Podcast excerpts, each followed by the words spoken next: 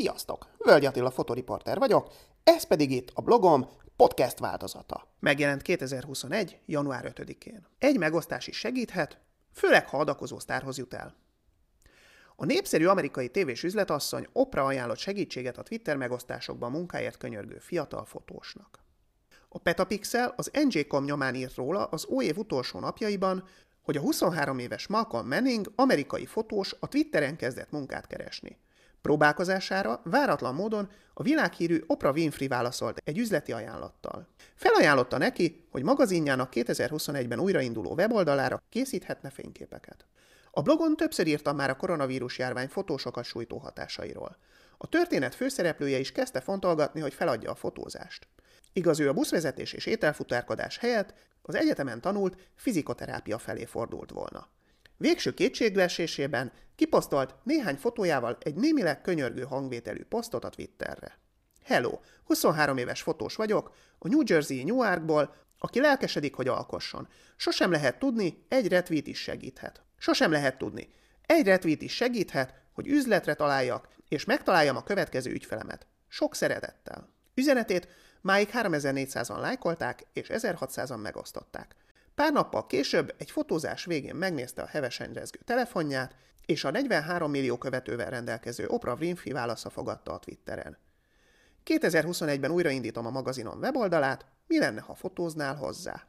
Oprah válaszát 9400-an lájkolták, és mindössze 728-an tweetelnek róla. A fotós azt mondja, sokkolta a hír, és persze azt se nagyon tudta, mit is válaszoljon rá. Végül így rebegett hálát.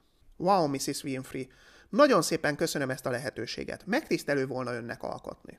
A Fox 10 Phoenix cikke szerint többször is előfordult az ünnepek alatt, hogy Opra hasonló váratlan kis kedvességekkel lepett meg embereket, amiről magazinjának 1,4 millió követőjű fiókja számolt be. Ez részben lehet karácsonyi jótékonyság, részben nyilván az oldal reklám stratégiájának is része.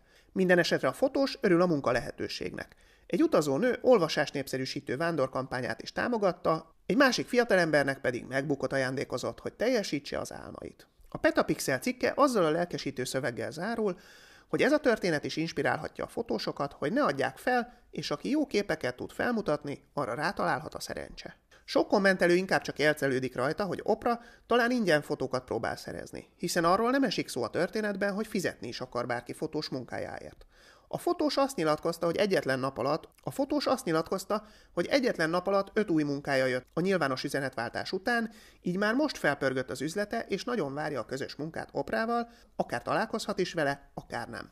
A sztár ajánlatáról nem tudunk ennél többet, és lehet, hogy nem is fog soha kiderülni több részlet. Hiszen minden ilyen hiszen minden ilyen megállapodás üzleti titok. Remélhetőleg az ifjú fotósnak sikerül majd ügyesen élni a lehetőségeivel, és tudja, miért nem adnak ingyen képet a fotósok. Különösen, ha már eleve úgy indult a történet, hogy a megélhetését félti attól, hogy talál-e munkát vagy sem. Remélhetőleg a nagy megtiszteltetésben nem csak megfelelően árazni nem felejti el majd a munkáját, hanem a névfeltüntetésről sem feledkezik meg, és persze aláírás előtt elolvassa majd a szerződést, amit elé. Ti mit gondoltak a történetről? Írjátok meg kommentben a blogom Facebook oldalán. A történethez tartozó linkeket, Twitter üzeneteket és képeket megtaláljátok a blogomon, illetve a podcast leírásában.